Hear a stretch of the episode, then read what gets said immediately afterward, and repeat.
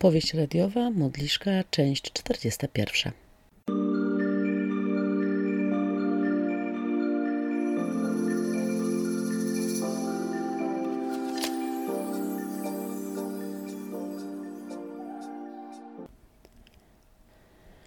A więc Weronika jest w Londynie. Zaraz z hotelu razem z Maurycem udali się do chińskiej dzielnicy. Weronika zawsze obiecywała sobie, że tam kiedyś po prostu zajrzy. Ponieważ pogoda dopisywała, to turystów i wygłodniałych tubylców przymierzających Chinatown no było całkiem sporo. Kolory i zapachy docierały do zmysłów tak intensywnie, że oboje zrobili się szybko głodni. Weronika nie chciała jednak iść do żadnej restauracji z białym obrusem. Postanowiła, że zje coś na ulicy – tak nie spiesząc się, po prostu.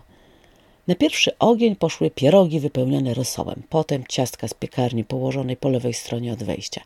Na widok kaczki z błyszczącą skórką parsknęli jednocześnie śmiechem. Ten pekiński specjał wyglądał jak po niezłym liftingu, a i wiercił w głowie pragnienie po prostu pożarcia. Maurycy z Weroniką nie zastanawiali się nad tym naturalnie, czy już może dość i warto zrobić pas w tym jedzeniu, no i wchłonęli porcję kaczki na spółkę. A więc po to mnie ściągnąłeś do Londynu, żeby mnie utuczyć, zawyrokowała Weronika. Była syta i szczęśliwa. Siedziała na ławce i przyglądała się ludziom idącym to w prawo, to w lewo. Wielu z nich wyglądało na wyluzowanych, szczęśliwych, rozmownych, i nagle Weronika posmutniała. Dobrze się czujesz? Maurycemu nie umknęła ta nagła zmiana nastroju. Może teraz herbatka po tej uczcie, co? Tak, e, tak, chętnie. Weronika starała się uśmiechnąć i nie dać po sobie poznać, o czym tak naprawdę myśli. Weronika, czy coś się stało? Maurycy patrzył na nią przenikliwie, ale i z troską. Mogła zbyć go jakąkolwiek odpowiedzią – ale chyba nie chciała. Wiesz, tak sobie pomyślałam, że nie pamiętam, kiedy było mi tak dobrze. No i zrobiło mi się smutno, że życie przecieka mi przez palce. Całe dnie spędzam w pracy, a jak nawet jadę na delegację, to widzę tylko samolot i hotel. Ale wiesz, że może być inaczej?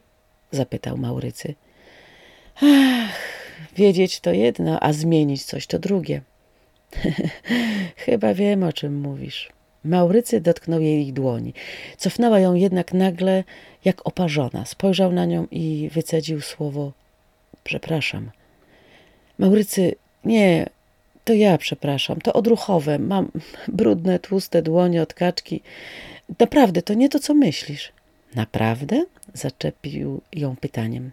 Chwycił jej dłoń w swoją dłoń i uniósł do ust.